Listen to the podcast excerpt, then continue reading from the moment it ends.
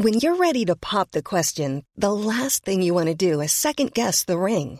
At Bluenile.com, you can design a one of a kind ring with the ease and convenience of shopping online. Choose your diamond and setting. When you find the one, you'll get it delivered right to your door. Go to Bluenile.com and use promo code LISTEN to get $50 off your purchase of $500 or more. That's code LISTEN at Bluenile.com for $50 off your purchase. Bluenile.com code LISTEN.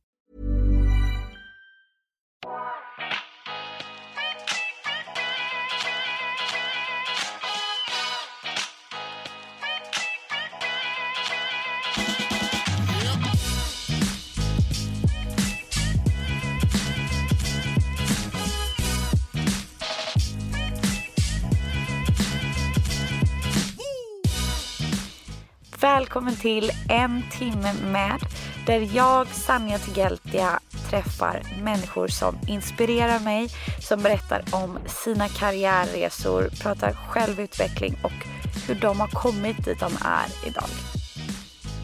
Dagens avsnitt är med inspirerande Damla. Damla är en supercool tjej som är grundare av The Push by Damla som är eh, bootcamps och cirkelträning fokuserade för kvinnor. Och jag var och testade ett sådant, ett pass med Damla och hennes gäng och har aldrig känt mig så inkluderad och välkommen på ett pass någonsin och eh, fick senare förstå att det är en av hennes eh, fokusområden just att känna gemenskap och eh, öppenhet. Och vi pratar om hennes entreprenörsresa, hur det är att starta eget inom, inom fitness, hur man särskiljer sig från andra. Eh, också hur hennes bakgrund har präglat henne, hur hon har arbetat med, sitt, eh, med sig själv, sitt både inre och yttre hälsa, var, varför det är viktigt att träna utifrån eh, sin hormonella, sin menscykel helt enkelt. För att vi som kvinnor särskiljer oss eh, från män och hur vi är uppbyggda och våra hormoner spelar en stor, stor roll i eh, hur vi mår och hur mycket vi orkar helt enkelt. Och vi går in på väldigt intressanta eh, delar kring det här och många bra tips och råd. Och vi rullar. Hej Damla! Hej! Hur mår du? Jag mår bra, hur mår du? Bra. Kul att ha dig här. Kul att få vara här. Jag tränade ju, dig, med, jag tränade ju med dig igår. Mm. Wow, det känns idag. Gör det? Ja. Men framförallt att det var sjukt kul. Vad bra. Det var väldigt inkluderande. Jag sa det, det var så, förlåt Stockholm, men inte Stockholm. Det var glatt, det var Göteborgskänsla. Hej! Mm. Man kände sig som man hade träffat alla hundra gånger. Gud vad bra. Det är exakt det vi eh, strävar efter. Ja, det har du lyckats med. Vad bra. Tack, vad glad jag blir. Hur, eh, hur startade du din dag?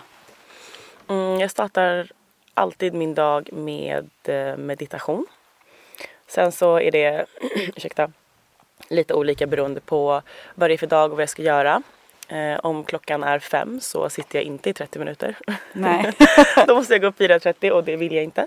Så eh, om det är en tidig morgon, vilket det är oftast, tre dagar i veckan minst, så bara några korta andetag, eh, tacksamhetsaffirmation och sen eh, tänker jag liksom på allt jag vill uppnå i mitt liv och sen så kör jag bara på hela dagen. Mm. Sen är det vatten, alltid en halv liter vatten, det första jag dricker på morgonen. Och sen eh, musik, eh, snabb liksom ansiktstvätt, väldigt sällan smink. Ehm, och sen hoppa in i bilen och åka dit jag ska. Vad för musik tycker jag är kul. Är det sån här mindfulness eller är det eh, liksom Got me looking so crazy in love? Nej, alltså nej, det är aldrig pling plong hemma hos mig kan jag säga. Alltså, Det är alltid, alltid hiphop, Fan, vad kul! Ja. Ibland så här deep house, techno, typ. Jag älskar all musik, det kan vara vad som helst. Ibland arabisk, ibland turkisk. Mm. Alltså det är verkligen beroende av hur jag känner mig den dagen. Om det är en helgdag och jag vaknar liksom på morgonen utvilad och ska typ så städa eller någonting. Då är det alltid så här äh, turkisk musik för det spelade mamma när man var liten hemma. ja, Och då känns det verkligen som, det känns som hemma liksom. ja. Eh, Men om det är vardag och jag ska ut och jobba och grinda och kötta på liksom, då är det nästan alltid hiphop, R&B, afrobeats. Kul. Nice, det är alltid kul att höra liksom vad som peppar igång dig. Jag är lite så jag gillar också peppig musik. Men så har jag intalat mig själv att man måste ha någon lugn yogamusik, starta dagen så. Det är kanske så Så man gud, borde så. avsluta dagen. Vad tråkigt. Ja, nej. Ja men precis. Men eh, kan du inte berätta lite, jag är så nyfiken på din, eh, din bakgrund och lite kring din barndom och, och hur detta har präglat dig till den du är idag. Eh, jag är ju uppväxt i en förort som heter Jordbro. mm. söder om stan här i Stockholm. Och ehm, jag älskade att växa upp i förort.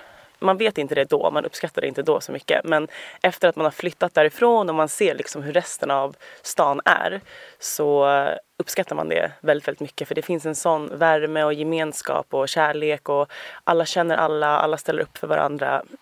Gud, förlåt. Eh, och liksom, man är, man är ehm, en enda stor familj. Och man blir så mångkulturell, man lär sig höra andra språk, man lär sig eh, man lär sig inkludera, man lär sig att det finns olika människor på olika, med olika förutsättningar och olika. Så jag tror att den delen av min uppväxt har präglat jättemycket eh, hur jag är idag och vad jag gör och varför jag gör det. Vi jobbar jättemycket med, jättemycket med inkluderande kultur, med som, som du liksom såg själv när du var där. Vi presenterar alltid alla för varandra om det kommer en ny person och alla, alla försöker att liksom prata med varandra och släppa in varandra och hjälpa varandra och stötta varandra på passet och sådär också. Liksom. Och det tror jag kan ha mycket att göra med hur, eh, hur det har varit att växa upp i förort. Ehm, vi var också aldrig ensamma. Alltså jag, hade, jag och min syster umgicks mycket tillsammans när vi var små och så var man, var man ju alltid liksom ett kompisgäng, ett stort kompisklick. Ehm, hade vi missat den sista bussen då gick alla med oss liksom hela vägen hem. Vi bodde en bit bort från centrum. Ehm, så det fanns liksom en jättefin värme och kärlek i, i, liksom, i det. Ehm, sen så har jag jobbat som danslärare, som fritidsledare både i Jordbro och eh, andra förorter i Stockholm. Ehm, ja, där man har jobbat mycket med ledarskap och utveckling av andra och sånt. Så det har ju också, det är också en jättestor del av det jag jobbar med idag. Härligt. Och hur, hur insåg du att du ville göra det du gör idag? Hur såg Jag- resan ut dit? Ja, den är lång. Jag eh, nej men vi, jag är egentligen dansare från grund och botten. Hållit på med ballett sedan jag var fyra år. Eh, gått olika dansutbildningar. Eh, gick på college i USA med liksom, estetisk dans som eh, inriktning. Och jag höll på med det tills jag var typ så här 25 kanske, 26 eller något sånt. Eh, och det var min dröm, det var liksom det jag satsade på och jag var grym på det. Men det var det enda jag var bra på. det var verkligen det enda jag var bra på. Och det var inte för att, eh, nu vet jag ju det, att det var inte för att jag var dum eller osmart eller något sånt. Utan det var för att jag lärde mig inte på samma sätt som andra barn. Ehm, och att jag var bra på det gjorde ju gjorde ju liksom att det blev och jag älskade det också. Det var enkelt. Det var, jag, är väldigt, eh, jag har jättebra atletiska förutsättningar. Så all typ av sport, idrott, det kommer liksom enkelt för mig. Ehm, så dansen var det jag var liksom bäst på. Jag älskade det. Jag utbildade mig inom det och jag... ehm, eh, vad heter det? Gud, jag tappade bort tråden. Jag ehm, jobbade som danslärare från att jag var 16 år tills att jag var 27 eller något sånt. Därefter så hade jag en liten så här kris typ. Vad ska jag göra med mitt liv? Är det verkligen det här jag vill göra? Det var flera grejer som fick mig att känna att jag inte ska bli dansare. Och eh, en av dem var den ekonomiska biten. För alla dansare jag kände som hade gått Balettakademin eller gjort liksom stora creddiga dansutbildningar. De jobbade på, ehm, det är inget fel på det, men de jobbade på kryssningsfartyg som showdansare typ. Och det var inte det jag ville göra. Jag, jag tyckte alltid att allt var så litet här. Jag ville åka till USA och jobba som bakgrundsdansare för typ Miss Elliot eller någon. Ja, alltså, ja, jag ville jag göra de fattar. största, fetaste, bästa jobben liksom. Um, och, och jag ville tjäna pengar. Jag ville vara bekväm, jag ville vara bekväm med mitt liv. Uh, fram tills den punkten då när jag liksom bestämde mig för att inte hålla på med dans. Då var pengar aldrig viktigt för mig. Jag, var liksom, jag hade en så negativ inställning mot pengar. Jag tyckte att det var det, allt som var fel med världen. Jag tyckte det var girighet. Jag tyckte det var, uh, fick människor att göra hemska saker. Vilket det fortfarande en del av mig tycker. Men jag tycker också att det är bra att pengar finns nu för att det får människor att vilja göra saker. Det får samhället att gå runt. Det får, alltså du vet så. Sen att pengarna är ojämnt fördelade det är en helt annan diskussion. Men jag började känna att ju äldre jag blev desto mer började jag känna att jag vill vara bekväm i mitt liv. Eh, mina föräldrar hade, vi hade det jättetufft ekonomiskt när vi var små. Um, och de liksom skrapade ihop till allt. De kunde aldrig köpa någonting till sig själva utan det var alltid allt som pengarna gick till det var till oss, till mm. barnen. Vi var tre barn, är tre barn i vår familj. Och så vill inte jag leva. Jag vill liksom ha det bekvämt, jag vill kunna köpa det jag vill och för mig handlar det inte om dyra saker. Det handlar inte om att jag ska kunna ha en Louis Vuitton-väska eller en Range Rover eller, vad, eller ja, de fetaste grejerna som mm. finns, vad det nu kan vara. Utan för mig handlar det om att inte ha pengastress. Frihet. Frihet, ja. exakt. Mm. Jag vill vara fri, ekonomiskt fri, bekväm och inte behöva vara orolig liksom. Mm. Så då bestämde jag mig för att säga nej, jag kan inte hålla på med det här. Eh, och dessutom är det ett turnéliv. Du är konstant på resande fot. Mm. Eh, om du ska ha familj, om du ska ha stadighet längre fram i livet så är det ganska svårt om du ska vara frilansdansare och bara leva. Liksom. Så jag var så fan jag måste göra någonting annat. Vad älskar jag? Men jag älskar fritidsgården, jag älskar att jobba där. Men samma sak, alltså det är fortfarande um, inte den ekonomiska friheten som jag vill ha och behöver liksom, via det jobbet. Men jag älskade båda de grejerna. Jag älskade dans, jag älskade att vara danslärare, jag älskade att jobba som fritidsledare, utveckla andra, hjälpa ungdomar, finnas där och ställa upp och så vidare. Um, så jag började plugga lite. Jag var såhär, fan vad ska jag göra med mitt liv? Plugga psykologi, jag pluggade pedagogik. Jag gick in i modebranschen. Mm. Uh, jag bara, åh jag älskar mode. Så här ung och du vet, mm. ytlig. så jag började jobba i modebranschen. Jag var där i fem år. Jag jobbade på Veckorevyn. Jag, jobbade, jag startade ett eget klädvarumärke som gick ganska Oj. bra. Ja. Eh, och sen så jobbade jag på en PR-byrå till slut och det var liksom mitt mål hela tiden att få jobba där. Jag bara, jag vill bara ha en tjänst där. Jag sökte flera gånger, fick inte, fick inte, fick okay. inte. Och till slut så fick jag en tjänst där och jag jobbade relatera. där ett år. Ah. Jag jobbade där i ett år men jag var så olycklig när jag var där. Mm. Jag var så olycklig för att jag hade så mycket att ge. Men det var ett ganska klassiskt så här, svenskt kontor. Mm. Så du fick inte vara bättre än någon annan. Du fick mm. inte lysa, du fick inte synas, du fick inte jobba mer än någon annan. Eh, du fick inte betalt för din övertid och du var låst 24 fucking 7 på ett kontor. Mm. Alltså om jag ska gå till läkaren var jag tvungen att fråga min chef. Får jag mm. göra det här? Och det, alltså. Noll frihet. Ja, alltså noll frihet. Och jag har verk, verkligen, alltså utöver en ekonomisk frihet så frihet i min vardag är en av de viktigaste sakerna för mig. Jag måste bestämma vad jag ska göra med mitt liv. Mm. Alltså ingen, ingen ska komma och säga till mig vad jag får och inte får mm. göra. Jag lät inte ens mina föräldrar säga till Nej. mig vad jag ska göra eller inte göra. Så ska någon random person, bara för att den betalar min lön, ja. säga det till mig? Nej. Och det är inte så att du gör ett bättre jobb bara för det? Tvärtom. Mm. Alltså, sitta där åtta timmar bara för att man ska och så bara, ah, okej okay, jag har två timmar kvar, jag är jätteomotiverad och trött just nu, ah, jag pillar på det här lite. Mm. Det slösar på tid. Alltså, så nej, jag var olycklig och de var missnöjda också dessutom. Eh, med, eh, så det, det, men, men jag visste inte det då. Nej. För hela tiden tänkte jag så här, jag vill bara ha fast tjänst här. Och det var för att det, det var det som förväntades av mig. Det var det som förväntades från min familj, från samhället, från mm. vänner, från alla. Du vet att man ska ha en fast tjänst på ett kontor och man ska vara trygg och ha liksom den här tryggheten av att du inte kan få sparken typ om du inte gör något Ja, och det tror jag många invandrarbarn känner.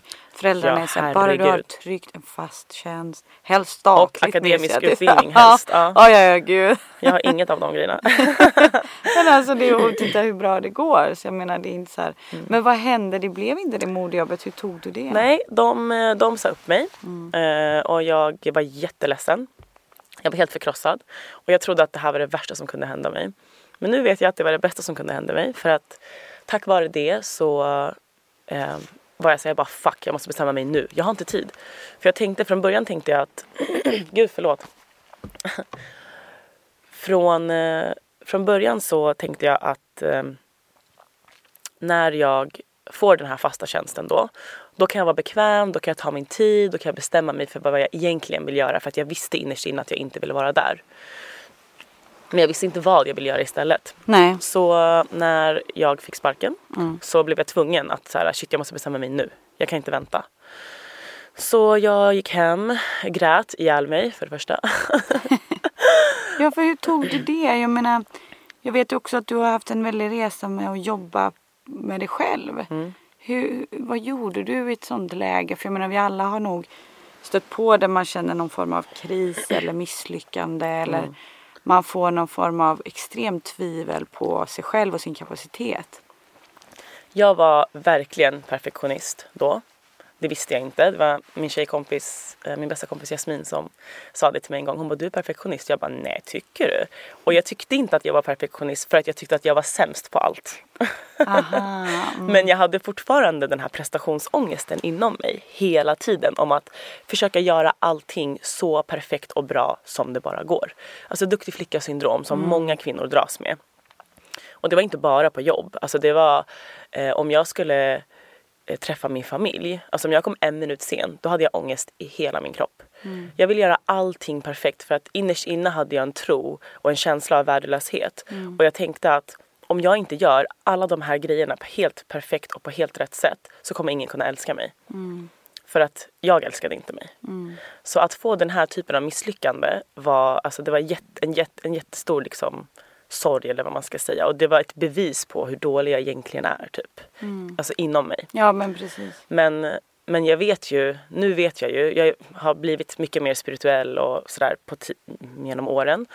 Eh, och nu vet jag ju att allt händer av en anledning. Och hela syftet med det här inom situationstecken misslyckandet var ju att alltså universum tvingade mig att göra någonting annat. För hade jag, inte, hade jag inte blivit av mitt jobb där och då, då hade jag med störst sannolikhet stannat där. Och kanske fortfarande jobbat där. Och varit olycklig och knegat på i mitt vidriga hamsterhjul.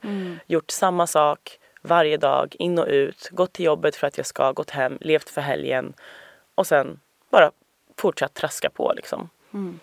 Eh, Och jag tror att det är därför många är olyckliga. För att de gör bara det som förväntas av dem. Istället för att göra det de egentligen vill göra. Men med det här misslyckandet så vart jag tvingad till att göra någonting som jag eh, var obekväm med att göra. För det är läskigt att göra förändring. Oh ja, oh ja, verkligen. Och, och det är läskigt att börja gräva och ta tag i sig själv. Ja, Och det är det som är så intressant när du säger det att du, du liksom eh, eh, ja, men började grotta i, i det att liksom varför känner jag mig som jag gör och vem gör jag saker för och du började liksom jobba på dig själv parallellt då som du började ta tag i vad ska jag göra härnäst. jag gick hem och skrev ett brev till mig själv. Och det här brukar jag tipsa till de som jag har life coaching med, med mina kunder och sånt. Eller om jag har, liksom, jag har mycket unga personer i min omgivning som jag stöttar och hjälper och sådär. Om, om du inte vet vad du ska göra i ditt liv så är det här mitt bästa tips. Gå hem, skriv en liten novell eller ett dagboksinlägg eller vad vet jag, kalla det vad du vill. Börja från början om dig själv och sen skriver du till slutet. Jag har alltid skrivit dagbok hela mitt liv så hela mitt liv finns dokumen- dokumenterat i dagböcker men det här var ett separat liksom Eh, en separat del där jag började skriva om mitt, min karriär, mitt arbetsliv. Så här. När jag var så här gammal jobbade jag med det här och jag gillade det här och det här med det. Och sen så fortsatte jag liksom. Och jag har haft jättemycket olika jobb. Jag har testat nästan alla jobb du kan tänka dig. Um, så jag skrev ett inlägg om från början till slut tills där jag var då. Uh, vilka jobb jag har gjort, um, varför jag tyckte det var kul och så vidare. Och sen så tog jag en penna och markerade när jag var som lyckligast, när det var roligast, när det var mest givande för mig. Och det var då när jag fick jobba som danslärare och när jag fick jobba som fritidsledare. Men som jag sa från början så det, det här var inte yrken där jag upplevde att jag kunde få den ekonomiska tryggheten som jag ville ha. Och jag ville dessutom vara fysiskt aktiv. Jag var tvungen att röra på mig, stå upp, för jag har jättemycket överskottsenergi. Och eh, då bestämde jag mig bara för att köra PT-grejen. Tänkte jag utbildar mig till PT och sen tar jag det därifrån. Det får bli vad det blir. Liksom. Jag får vara fri i min vardag, jag får vara min egen chef, jag får vara egenföretagare. Um, nu är ju PT verkligen light-versionen av det jag jobbar med idag. Men det var så jag bestämde mig för att det var det jag skulle göra. Sen så var jag på eh, det här, den här byrån som jag jobbade på. jag hade typ så två månader kvar på min tjänst. Och så kom eh, Hanna Andersson in dit, eh, Fashionable Fit. Och eh, jag kollade och tänkte jag bara, just det, hon jobbar med träning. Så här, jag ska snacka med henne lite. Så, så gick jag fram till henne och vi pratade. Hon skulle hämta någonting i- showroom, hon skulle låna någonting eller vad det var. Och så började vi prata och hon sökte efter någon som kunde börja jobba i hennes team. Jag skulle precis börja utbilda mig och så var hon så här, hon bara hör av dig till mig efter. Hon bara, jag behöver någon med PR-erfarenhet också. Eh, så kanske vi kan hitta någon rolig tjänst till dig. Och hon höll då på med bootcamps för kvinnor. Så vi hade ett möte. Eh, och jag var så här hungrig du vet. Jag bara nej jag tänker inte vänta till efter min utbildning. Det var flera månader kvar tills dess. Så jag bara hej jag kollar på din sida. Jag tycker vi ska göra det här och det här och det här. Du vet. Eh, vi kan eh, få mer vi kan få bättre marknadsföring och PR om vi gör de här sakerna. Då skickade jag ett mejl till henne och hon bara oj gud jag är imponerad, ska vi ses nu? Typ. Så sågs vi och så kickade vi igång bollen på det viset. Jag jobbade med Hanna i ett år. Vi bestämde oss för att gå skilda vägar efter ett år och då var jag så här, alltså det här kan jag göra själv. Och sen har, jag, har det bara flygit sen dess liksom. Och då, då, då drog du igång. Mm, 2018. Jag var på Bali eh, nyår. 2017 åkte vi. Första, eller första januari 2018 åkte vi till Bali. Eh, och sen när jag var där var jag så här. Alltså ett, jag bestämde mig för att jag måste göra slut med min kille. Mm. som jag hade varit tillsammans med i fem år. Oj, varför då? Nej men gud det var bara så mycket. Det var bara så mycket grejer som. Alltså vi växte ifrån varandra. Ja. Men det tyngde och du, du valde liksom, det, det blev ett closure med det. Nej nej vi var tillsammans i ett halvår till efter det. Vi förlovade oss och sen gjorde vi slut. vi gjorde den krisgrejen som alla gör. Antingen har man barn eller så gifter man sig. Ja, och så ja, bara, ja, åh nej exakt. varför gjorde vi det här? Ja, för ett hopp om att rädda det. ja liksom. precis. Eh, det och, och jag bestämde mig för att jag inte skulle jobba kvar med henne. Så kom vi hem och så försökte jag lite i typ en månad så, här, så jag bara nej alltså det går inte, jag kan inte. Och jag är en sån person som om jag inte vill något så gör jag det inte Nej. bara. Det går inte. Och eh, då drog du igång och så tänkte du inte så här shit hur ska jag få kunder? Vad, vad ska särskilja mig från andra och vad var planen? What's the plan Phil? Nej men, har du sett den? det är från Modern Family, det är inte Nej men, eh, vet du jag hade typ ingen plan. Nej. Och det, Det är var också, härligt, Alltså det är mitt bästa tips till alla som, alla som vill göra något men inte vågar. Alltså kör bara. Det finns, ingen, det, det. finns ingen bra tid för något. Det, alltså det finns ingen rätt tid för någonting egentligen. Du måste bara sätta igång eh, hela processen. Mm. Men jag var så här, fan jag kanske får lite kunder. Jag testar kicka igång ett bootcamp. Jag börjar annonsera fyra veckor innan det startar. Och jag hade lite PT-kunder så jag hade ju liksom, jag hade jobbat i ett år med bootcamps för kvinnor så jag visste att kunderna skulle komma. Eh, men eftersom jag hade jobbat, alltså det är ju oetiskt att kontakta någon annans kunder. Ja, ja, ja. Så jag gjorde inte det. Jag bara annonserade på min Instagram att det här kommer ske nu. ehm, och det kostar så här mycket och det är den här typen av liksom bla bla bla. Träning och sådär. Och ja, till en början var det ganska likt det jag och Hanna hade gjort liksom. Men jag var ju personlig tränare och jag ville ge personlig träning. Men jag ville också ehm, att det skulle vara affordable. Ehm, förmånligt. Och jag ville ge mer än bara komma dit, träna och gå. Så jag började med något som då kallades feedback. Ehm, och varje person som kom till bootcampet, eller första bootcampet, eh, jag, jag var på ett ställe som heter Urban Ride och det fanns bara plats för jag tror 12 deltagare och jag sålde slut på alla platser. Där var jag en gång och tränade med dig. Är det så? Inser jag nu. Ja. Med mig? Ja. Jaha. Det var sjukt att jag bara det kom till mig nu. Det här har jag ju glömt. Jag var helt ny i Stockholm. Är det sant? Ja. Vadå på cykelpass eller? Jag på cykelpass. Gud vad kul. Oj vad sjukt. Ja men fortsätt. Men Förlåt. Det bara kom. Spinnade vi tillsammans eller? Ja. Jaha, gud vad roligt. Vad sjukt. Ja men förlåt. Ja, Fortsätt. kul. Jag, var, ja, men det var där, Ja. jag jobbade där då i alla Ja. fall. Jag var där ett halvår ungefär. Mm, och så hade jag bootcamps för kvinnor. Det var 12 stycken som kom. Några var liksom från tidigare men det var rätt många som kom som hade följt min resa liksom Mm. ett tag och sådär på Instagram. Så det var 12 tjejer som dök upp, 9 eller 12 eller något sånt där. Jag kommer inte ihåg exakt vad det var men det var några stycken bara och det var en grupp liksom som vi körde.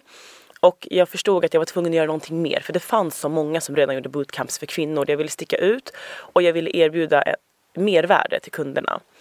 Jag var dessutom hälsointresserad så jag ville erbjuda hälsa och inte fitness. För du får antingen grönt gräs här i Sverige eller överallt i världen. Du får grönt gräs eller proteinshakes. Och jag ville hitta någonting som var mitt emellan för att det är så mycket komponenter som påverkar din hälsa idag och varför du mår som du mår. Och dessutom gjorde jag själv en hälsoresa på vägen. Så allting som jag lärde mig om mig själv implementerade jag även på mina kunder. Dels träningen, eh, träningsupplägget, coachingen, det vi gör fortfarande på, liksom som nu är det push. Ehm, vi har tränare på plats som går runt och korrigerar, du var ju med på passet. Vi vill att alla ska utföra tekniskt korrekt, vi vill inte ha några skador på våra pass. Och vi vill att alla ska träna ur ett hälsoperspektiv, både välmåendemässigt men också fysiskt. För att om du, om du går till, säg nu crossfit, jag älskar crossfit, det är skitkul men det är så skadebenäget. What's the point? Om du ska skada dig så pass att du inte, alltså det är jättemycket så här ryggradsskador, eh, knäskador och vad vet jag, liksom, det sliter för hårt på kroppen. Då visste jag inte det här men kvinnokroppen fixar inte heller den typen av träning. Vi ska inte träna så hårt. Gud det visste inte jag heller. Speciellt så som samhället ser ut idag med den stressnivån vi lever med och så. Ehm, ja, så jag försökte hitta en produkt som verkligen var anpassad ur ett hälsoperspektiv för kvinnor. Jag ville individ- individualisera så mycket som möjligt och det gjorde jag via det som då kallades för feedback. Och ju mer jag feedbackade, jag, jag chattade med alla på WhatsApp, då var det 12 stycken. Idag är det 60 stycken som ska ha stöd. Lite skillnad. Ja, eh, men ja, så jag började chatta, jag började snacka med folk och så här och jag förstod att det fanns ett så starkt behov av att må bra. Och du kan inte må bra om du bara gör en grej. Nej. Du måste göra hela cirkeln, du måste sluta hela cirkeln. Så jag satte mig ner och började tänka, jag bara fan hur ska jag få den här produkten att bli det bästa i Sverige, det bästa i Stockholm, det bästa i världen. Och jag började tänka på vad, hur jag vill leva, hur jag vill må och vad som är liksom bra för mig och för andra. Och jag eh, är väldigt into personlig utveckling och den mentala hälsobiten också. Eh, Jag började läsa på vad som finns där ute om vad som är hälsa och hur du kan må bättre. Och jag snubblade över två forskningsstudier. Den ena är, eller inte forskning kanske den ena inte heter, men en eh, teori som heter Maslows behovstriangel. Eh, och du har olika, liksom, det finns en triangel med olika typer av behov som man har. Och jag var såhär, jag, bara, jag måste fylla alla de här behoven här på plats. Och en stor del av det Maslow pratar om är tillhörighet, ehm, sj- självkänsla, um, självförverkligande. Botten är liksom så här, ja, men pengar, mat, någonstans att bo, typ sådana grejer. Och den utgår jag ifrån att kunderna har när de kommer till oss. Ja. Sen så är det liksom olika steg av behov och ehm, jag tänkte mycket på hur Sverige fungerar och hur svensk kultur är. Jag är också, anser mig vara svensk också och jag är uppfostrad, liksom, jag är uppfostrad turkiskt, ut med turkisk kultur. Men jag har fortfarande jättemycket av den svenska kulturen med mig. Och det jag upplever att svenskar, eh, vad ska jag säga, går miste om. Det är känsla av tillhörighet och familj. För vi, jobbar, vi är väldigt det är individualism, I, speciellt i Stockholm. Sen vet jag inte hur andra städer är men Stockholm är väldigt individualistiskt. ja. Det var det du sa när du kom in. Ja. När jag kom in. Stockholm är väldigt individualistiskt och utifrån allt jag har läst om hälsa och välmående är det en faktor som gör att vi mår psykiskt dåligt. Och det handlar mycket om hur vi utsöndrar hormoner, hur vi eh, frodas av tillhörighet. Men vi gör det för att när vi levde på savannen innan allt det här som finns idag så var flocken avgörande för överlevnad. Så om du var ensam så betyder det för dig livsfara. Du kommer dö, du kommer inte klara dig. Det finns ingen som plockar bär medan du jagar eller det finns ingen som tar hand om XYZ, vad det nu var man gjorde på den tiden. Så, och det har följt med oss för att våra kroppar biologiskt, vi har inte Alltså evolution tar jättelång tid. Vi har inte evolutionärt har inte vi utvecklats våra kroppar på samma speed som samhället har. Ehm, och tillhörighet, samhörighet är en jättestor faktor i att vara lycklig och känna sig trygg och tillfredsställd. Så jag försökte skapa ett community där alla är inkluderade, välkomna. Ehm, det finns en gemenskap. Om du inte dyker upp på några gånger då skriver jag så här, hej hjärtat, var är du, vad har hänt, hur mår du? Liksom så. Och vi är högst involverade i allas personliga problem. ehm, för att och liksom deras hälsa, deras välmående. Jag vet allt om mina kunders menscykel, vilka p-piller de äter eller inte äter. Eh, vad som pågår i deras liv just nu, om de har förlorat någon, om de gör slut med sin kille eller tjej. Eller, Alltså allt du kan tänka dig. För att hälsa och välmående är alla de delarna plus vad du äter, hur du sover, vilka kosttillskott du tar och så vidare. Så vi har en del i, i upplägget som är utöver träningen vad vi kallar life coaching. Där vi sitter och chattar, eller jag gör det, jag sitter och chattar med alla en och en, en, två gånger i veckan ehm, och hjälper dem med allt i deras liv. Liksom. Så du får en tillhörighet, en gemenskap som är jättespeciell. Ehm, och som, som, som du sa, liksom, det är som att alla är kompisar med varandra. Ja, verkligen. Det var någon som sa till mig häromdagen, de bara Gud du måste ha så mycket vänner. Och jag har verkligen det. Ja, men det var verkligen den känslan man fick. Och det, ja, men som sagt, jag var ovan och det kändes väldigt varmt eh, och, och, och roligt på ett annat sätt. Då kunde man liksom... Jag är ju van nu att gå in i ett pass. Eller jag, jag är ju en sån där som går överallt. Jag har liksom allt Romondo yoga, Mm. the place, jag har Barry's. Alltså jag, jag är konsumenternas konsument. För jag gillar variation. Ja. Och, och där är jag van vid att man går in, man gör sin grej, man Och går. drar. Eh, och det är ju uppfyllande i form av att jag är trött och har tränat. Men själsligt not so much. Nej. Jag känner mig inte fylld av energi Nej. på det sättet. Och här kände jag verkligen så här, åh gud, jag blev glad, jag blev Mm. fylld av liksom värme, energi från andra. Det var verkligen så här innan jag till och med skulle gå att vi snacka i liksom omklädningsrummet. Hur kändes det? Mm. Ja. Och, eh, och sådär så att Gud att vi båda Ja, är harkliga. det är tidigt. Eh, nej men det, det, det var verkligen annorlunda och, Mm. och det är nog en genialisk grej. För att det saknas och speciellt här då. Jag vet inte heller hur det är resten av landet men, men i Stockholm saknas Alltså det. i Stockholm saknas det så mycket och det är verkligen och det här är också tror jag någonting som har lite med så här uppväxt i förort att göra. Ja. För att man hängde liksom i stora kompisgäng och man inkluderade varandra och man liksom så um, förortskultur eller vad man ska säga. Men eh, inte bara det, men som jag sa, liksom, jag tittade på liksom, Maslows behovstriangel. Jag, jag försökte uppfylla liksom, en del av grejerna och inte bara tillhörighet som är en jätteviktig del av det utan också eh, självförverkligande. För när du kommer dit på morgonen, alltså träning är jättespeciellt för att och styrketräning är jättespeciellt för att man kommer dit, många av våra deltagare har aldrig lyft en vikt i hela sitt liv när de kommer till oss. Så vi har en jättegrundlig teknikgenomgång i början. Eh, om de går vårt medlemskap, vi har två olika produkter. Men medlemskapet har en vecka som vi kallar för uppstartsveckan. Där går vi igenom allt från så här, hur du ska knipa fiffi, hur du ska aktivera din bäckenbotten, vilka muskler som ligger vart och hur du ska aktivera dem och använda dem på bästa sätt för att uppnå de olika sakerna folk vill uppnå. Liksom. Men framför allt hur du ska uppnå hälsa i din kropp. Eh, Efter den genomgången så känner man sig lite tryggare för man är såhär, aha det var det här hon pratade om. Så när jag säger typ, om jag säger typ, ja men rotera lårbenet bort från kroppen, då vet de exakt vilken muskel som gör det. Eh, Så vi hjälper dem skapa medvetenhet i deras kropp, hur de ska använda sin kropp, hur de ska använda sina muskler. Sen tränar vi neuromuskulärt i fyra veckor och sen så liksom var fjärde vecka är det en ny träningszon eller vad man ska säga. Utan att spoila för mycket här till. ja. Ehm, Coolt. Och, och jag menar, Mm. du fokuserar också på någonting som jag bara vill beröra. Ehm, hur man tränar utifrån sin eh, menscykel. För jag Ja. personligen är ju väldigt, har liksom nördat ner mig i det. För att man har ju verkligen olika ork beroende på vad man Mm. är i cykeln. Och det finns ju väldigt, väldigt lite forskning kring detta vilket Mm. är helt sjukt egentligen. För vi fungerar ju inte som män. Ehm, och, och sådär. Vad, vad tänker du kring det? Liksom? Hur, hur ser det ut för en kvinna som tränar under en, en månad eh, i sin cykel? Liksom? Yes, det är um, det här är någonting vi har implementerat senaste året också i det här för att vi har inte heller vetat. Ingen har vetat om det här. Eh, men så tidigare var det liksom Maslow- Maslows behovstriangel och sen så hade vi Blue Zone Study som vi har också fokuserat på och något som heter periodisering. Det var det jag skulle komma till nu med träningsupplägget. Eh, periodisering är hur el- elitatleter tränar i fyra veckors intervaller och sen så har man, vi har två on- on-season tider och sen har vi off-season tider när vi uppmanar alla till att vila och göra annat än styrketräning. Så träningen är väldigt, eh, träningen är faktabaserad och därför får alla jättebra resultat.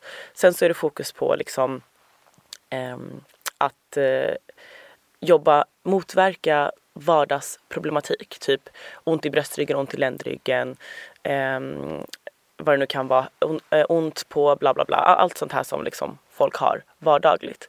Sen så det vi har börjat fokusera på nu senaste året är som du säger psyken och hur man naturligt kan omsätta hormoner eller inte. Eller, de flesta har problem, de flesta har eh, mensvärk, PMS, eh, de har PCOS, endometrios, den här typen av problematik. Och det man har sett är att när kroppen är stressad, specif- speciellt för kvinnor, så tänker hjärnan, eller kroppen, tänker att shit, det är inte läge att bli gravid nu. Det är inte läge att ha en till kropp i den här kroppen. För den här kroppen fixar inte det. Och överlevnad är det viktigaste för vår, vår, vår art ska kunna existera.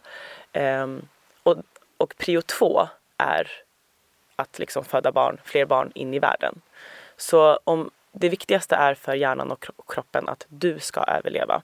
Och om din kropp är i stress, om du är i fight or flight, om du är i panik hela tiden, vilket man är om man äter för lite, om man tränar för hårt, om man bastar hela tiden, om man kallbadar, om man... Alla de här grejerna är stress på kroppen. Det är liksom ministressar eller vad man ska säga. Som sen gör att du, egentligen om du är hälsosam, om du bastar, infraröd bastu till exempel, då skapar det en stress på din kropp. Och sen när den stressen släpps, då bygger kroppen upp sig själv igen, den läker sig själv igen. Men om du konstant är i stress så gör inte kroppen det. För då tror den att någonting är fel här. Då tror den att för stress betyder för kroppen evolutionärt att ett, det finns inte mat. Du måste ut och leta efter mat mm. och då gör den dig pigg och alert. Det är därför det är svårt att sova på nätterna och sånt mm. när man är stressad. Eller att två, du måste springa ifrån ett lejon eller något farligt djur. Liksom. Mm. Det är en stor fara här nu och du måste ta dig därifrån. Så kroppen producerar, den trycker ut glukos så att du ska ha energi och kunna springa ifrån det här lejonet eller vad det nu är. Och även det gör att vi går upp i vikt. För att vi springer inte, vi sitter stilla hela dagen. Mm.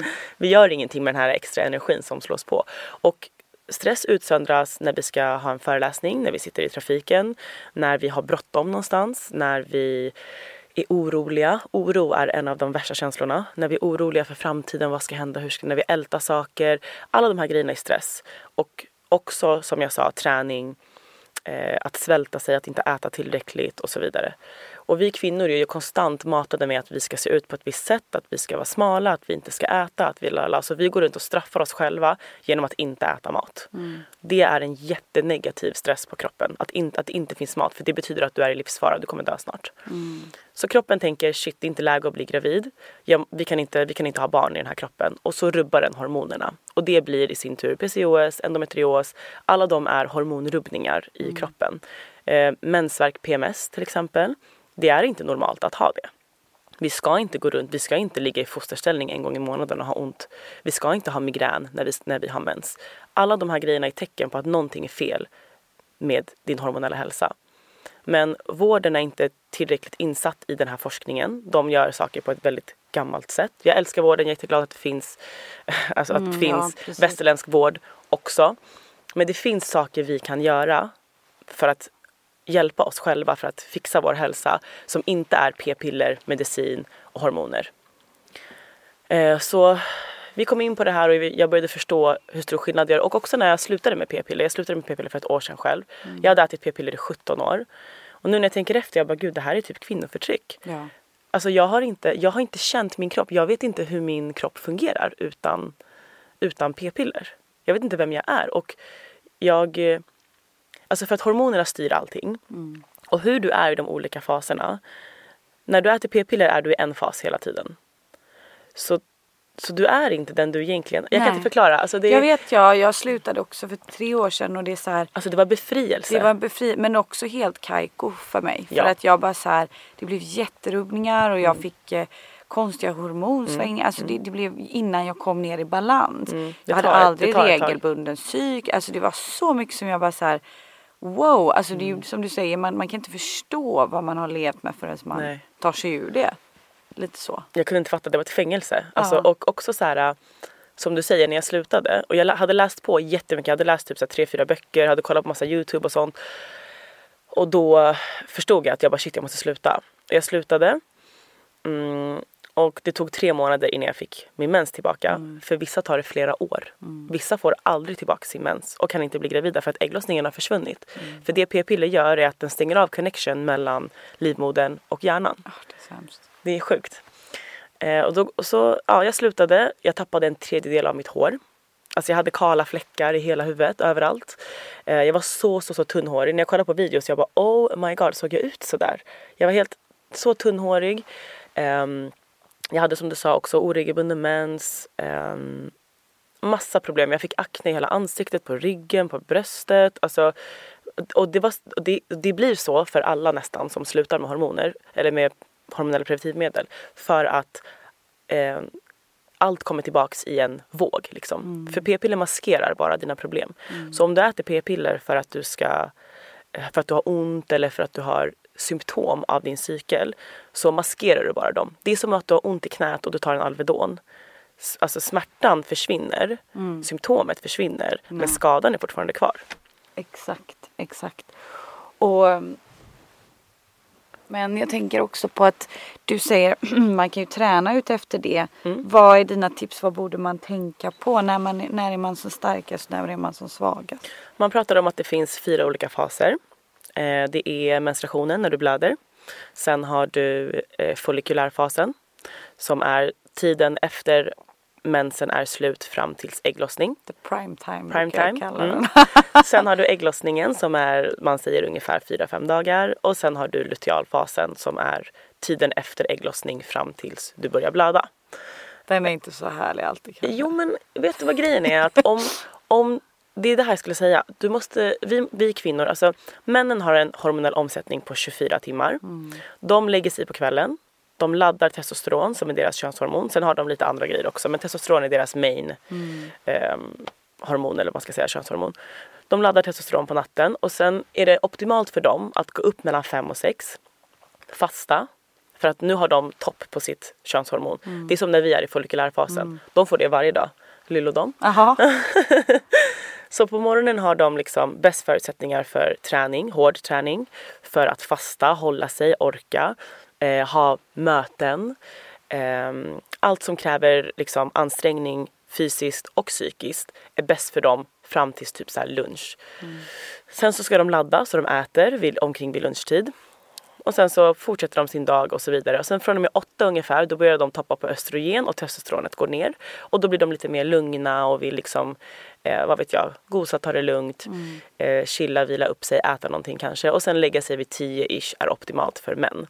Hela samhället är uppbyggt efter den här strukturen. Mm. Allt vi gör. Om vi ska ha möten, vi ska göra det klockan åtta på morgonen. Mm. Oavsett vart vi är i cykeln så är det så för kvinnor också. Mm. För att allt det här är anpassat efter män. Det här 5 am club som alla pratar om. Det är anpassat okay. efter männens ah. hormonella cykel. Ah. Det passar inte oss. Och vi går runt och försöker hela tiden trycka in oss själva i en box där vi inte passar. Och det skapar en inre kritisk röst som hela tiden säger till oss att vi inte är bra nog. Mm. Och det är fucked up för det är inte sant.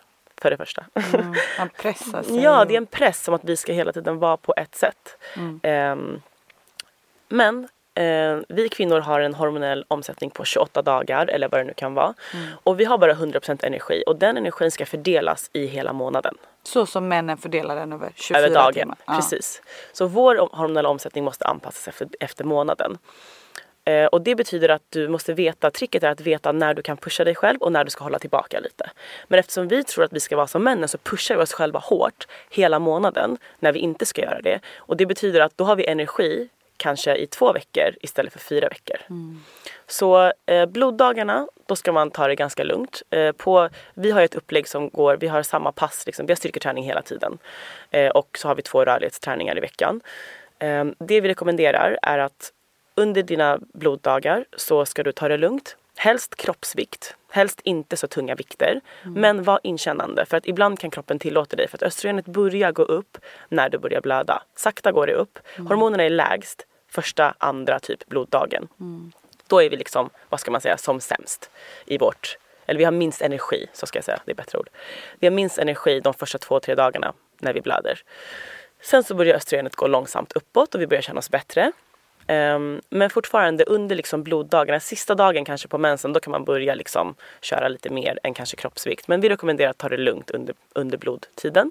Sen kommer follikulärfasen som är vår bästa tid. Då har vi topp på vårt könshormon östrogen som är eh, vårt superhormon. Man kallar det nästan för estrogen high till och med mm. på engelska för att man, alltså man mår så bra man när man har stark. Man är så stark, man återhämtar sig mycket bättre. Mm. Man orkar typ så här, alltså säg att du orkar 20 kilo mer på tunga lyft. Det är ändå jättestor skillnad. Um, ehm, 10 kilo, 20 kilo. Man, man, man blir typ så här, oj gud, alltså jag hade orkat mer till och med. Mm. Typ. Mm. Efter ett pass, man bara, gud jag hade kunnat köra hårdare. När du känner det här, då är det då du ska pusha dig själv. Mm.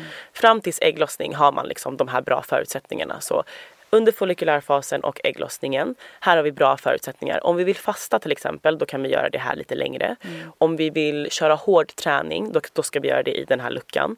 Eh, om vi har någon slags, om vi har ett viktigt samtal med någon vi älskar, vänta tills du är här. Ja. För sen är du lite mer dramatisk än vad du är ja, i den här fasen. Vi är mycket mer logiska, vi är mycket mer mm, lättsamma, vi är mycket mer eh, fokuserade. Alla viktiga möten, presentationer, allt sånt ska för oss ske i den här luckan. Liksom. Mm. Sen kommer ägglossningen, då är vi fortfarande superkvinnor, kör hårt, träna, pusha dig själv. Efter ägglossningen är över så hamnar vi i lutealfasen och, då, och det är den längsta fasen i cykeln och där har vi två veckor på oss. Här ska du också chilla och du kommer känna i din kropp att du inte orkar lika mycket mer. Mm. Och då, mitt bästa tips, pusha inte dig själv. När du känner att kroppen säger stopp, då är det stopp. Så det viktigaste är att vara inkännande. För om du nu pushar extra hårt och försöker, och försöker lyfta lika tungt som du gjorde förra, försöker springa lika snabbt som du gjorde förra, förra eh, fasen i cykeln. Det är då du kommer få problem i kommande delar. För nu har du gjort av med för mycket energi som du inte har. Du behöver återhämta. Ja. Dessutom så ökar vår metabolism under lutealfasen. Så vi förbränner cirka 300 kalorier mer än vad vi gör i de andra faserna. Därför man är ofta väldigt hungrig. Ja. För du äter inte tillräckligt. Du äter likadant i lutealfasen som du gör i follikulärfasen och ägglossning. Och sen bara fan varför är jag så jävla sugen? Det är för att du, du, kroppen behöver mer. Ehm, och jag har också förstått att så här, äh, vi äter typ alla dricker kaffe 24-7. Koffein är jättehormonstörande. Det sköljer ut allt, alla hormoner du har inom dig. Sitter säger jag med en kopp kaffe i handen. Men, med. Men jag har minskat. Man kan göra det man kan. ja, liksom. alltså jag dricker kaffe när jag ska göra någonting speciellt. Ja. Typ nu om jag vill känna mig lite pigg eller Ja. så här. Eh, Men, men annars inte. Och sen jag slutade med koffein har jag ingen PMS, jag har ingen mensvärk. Jag har nästan ingen migrän alls whatsoever. Eh, Nästan inga symptom alls av min cykel. Samma här. Samma här. Och, och liksom och äta sjukt nog. Jag var vegetarian och ät, började äta lite Mm. lite kött ibland. Eh, gjorde alltså att jag nu har cykel på dagen. Ja, Alltså, aldrig så haft. stor skillnad. Aldrig haft. Mm. Det är helt sjukt. Japp. Man kan se det ganska snabbt. Och det finns så enkla små saker man kan göra Ja. och det här pratar vi jättemycket om i den här life coaching delen som jag berättade om i början. Eh, och vi har jättemycket deltagare som bara fan jag hatade min cykel men alltså Damla tack. Jag mår så bra nu. Jag har ingen mensvärk, jag har ingen PMS. Tänk att man kan leva så här liksom. Ehm, så det finns jättemycket små tips och tricks och vi hjälper till med allting liksom på i life coaching delen. Och sen så uppmanar vi alla att så här lyft inte samma vikt hela tiden. Du ska inte kunna göra det. Männen kan det men vi kan inte det. Och allt handlar om så här och vi, vi prestationstränar inte. Det är inte fitness, det är inte fitnesstävling utan det här är välmående som är i fokus. Exakt. Så ehm, nej, vi, vi brukar till och med när jag ser att de, alltså they're struggling, då brukar jag säga nej, alltså ta av. Vad Mm. gör du? Varför gör du så här mot dig själv? För då är det inte kärlek längre, då är det hat. Då Ja, tränar du, då, då straffar du dig själv. Ja. Ja. Då är det inte kärlek till din kropp. Då är det inte jag gör det här för att jag vill må bra och vara frisk och ehm, Istället för att ta av och känna sig stark. Känna ändå att det är utmanande. Men Mm. ta av lite vikt och känna I can do this. Än att pina och bara så här knappt kunna. också när du vet om att du är olika i de olika faserna då försvinner den inre kritiska Mm. rösten. För då är det så här, aha okej idag vill min kropp att jag ska göra det här. Man är Och- förlåtande. Liksom. Ja, man accepterar sig själv. Man är så här, aha nej just det. Nej, jag kan ju inte lyfta så här tungt i den här fasen, det vet jag ju. Och sen går man vidare istället för att bara fan varför är jag så jävla dålig för? Förra Ja. veckan gjorde jag ju det här och den här veckan är det så här. Fan jag är sämst och sen så sitter man och tänker hela dagen på hur dålig man är och hur, Exakt. ja. Men. Och där tror jag liksom för, för andra som är lite som jag kanske då extrema att man kan påverka sitt psyke väldigt mycket. Att Mm. man ska som du sa kanske inte gå eh, stenhårt på psyken utan bara så här, "Ja, men nu är jag trött för nu borde jag i den fasen utan som du sa vara inkännande. För att där för vissa som är så extrema, jag är Mm. en av dem, att man inte liksom förut har bestämt i förväg att nu ska jag chilla för nu är det en period jag är trött. Mm. Utan känna så här, idag kanske jag orkar lite mer, idag orkar jag inte. Alltså just det här inkännande att man Mm. inte bestämmer sig för sig själv att man ska vara deppig en period, glad en period. Nej exakt, exakt, exakt. Mm. Eh, och helt ärligt, om du inte gör slut på din energi i lutealfasen och under mensen, då är du inte ledsen under Mm. den delen av cykeln. Du är bara annorlunda. Till exempel i follikulärfasen och ägglossningen, den här, den här supertiden vi pratar Mm. om, östrogenhajen. Då har man mer energi, man är piggare, man eh, kanske orkar mer av vissa saker där det kräver mer energi och prestation fysiskt av dig. Mm. Men i lutealfasen, då är du kanske mer ehm, du organiserar kanske din garderob då eller du, eh, vad vet jag, liksom man, man, man är bara annorlunda. Tanken är inte att du ska vara deprimerad och må dåligt under lutealfasen. Nej, nej. Tvärtom. Du ska kunna se alla härligheter i de olika faserna. Men det kan du inte om du förväntar dig att du ska vara follikulärfasen hela tiden. För det är det som förväntas av oss. Men vi kan inte det för vi är inte så. Jag har en avslutande fråga. Vem hade du velat höra i podden? Jenny Kos. Ja, henne följer jag också väldigt mycket. Och eh, vart hittar man dig nu om man är sjukt nyfiken och inte kanske har koll på dig sedan tidigare? Mm. Var är lättast? Eh, på min Instagram tror jag. Aha. Alltså vi har ju all, alla sociala medier dessvärre. Vi har ju Instagram och TikTok och allt som finns. Men eh, jag tror Instagram är nog bäst. Vad heter det? The Push by Damla. Mm. Och jag kommer ju länka och allting. Mm. Så jag känner att vi får ta ett avsnitt till. Ja, alltså det finns så mycket att säga om det här. Jag vet. Ja, men jag är jättetacksam. En timme flög förbi mm. så snabbt. Mm. Men jag är jättetacksam att du eh, var med och delade med dig av den, en del av din resa. Mm. Känner vi, vi har ju vi inte så mer mycket. att beröra. Ja. jag tror att vi hann mer än vad vi trodde mm. egentligen. Men jag tror att vi båda tyckte det var så kul. Mm. Tack så jättemycket. Tack själv. Tack för att jag fick vara med. Om ni gillar podden så får ni hemskt gärna dela den här med era vänner. Men också gå in och prenumerera och jättegärna lägga en liten kommentar. Det hade gjort mig så otroligt glad.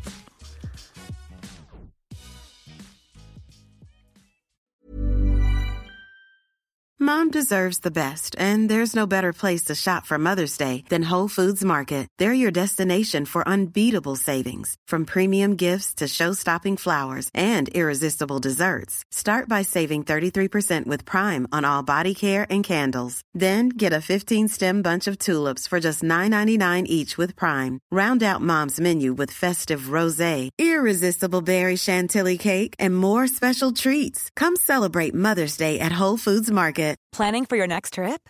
Elevate your travel style with Quince. Quince has all the jet-setting essentials you'll want for your next getaway, like European linen, premium luggage options, buttery soft Italian leather bags, and so much more. And is all priced at 50 to 80% less than similar brands. Plus, Quince only works with factories that use safe and ethical manufacturing practices. Pack your bags with high-quality essentials you'll be wearing for vacations to come with Quince. Go to quince.com/pack for free shipping and 365-day returns.